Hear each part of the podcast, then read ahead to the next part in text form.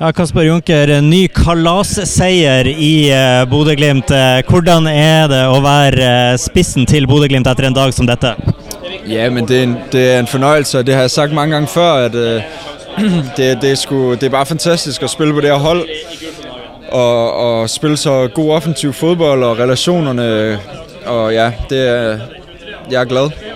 Hat trick er jo en sjelden kost i fotball, og å få det allerede i sin sjette offisielle kamp, det må jo være ganske herlig.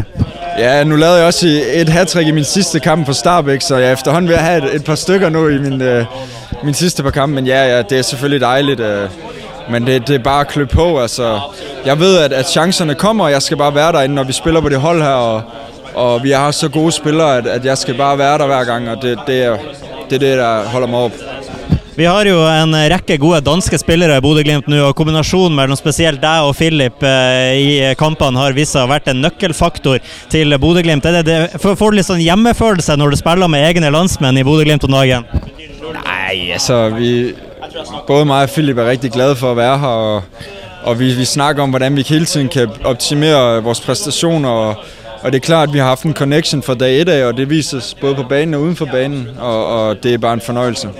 Det blir ei uke pause nå til neste kamp, og den lengste pausen eh, som eh, dere har hatt til nå. Blir det godt å få litt hvile i beina før neste oppgjør mot Ålesund?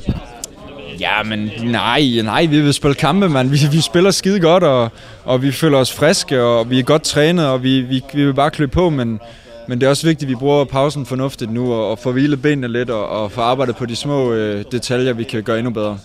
Tak for det, Kasper, og gratulerer med god sejr.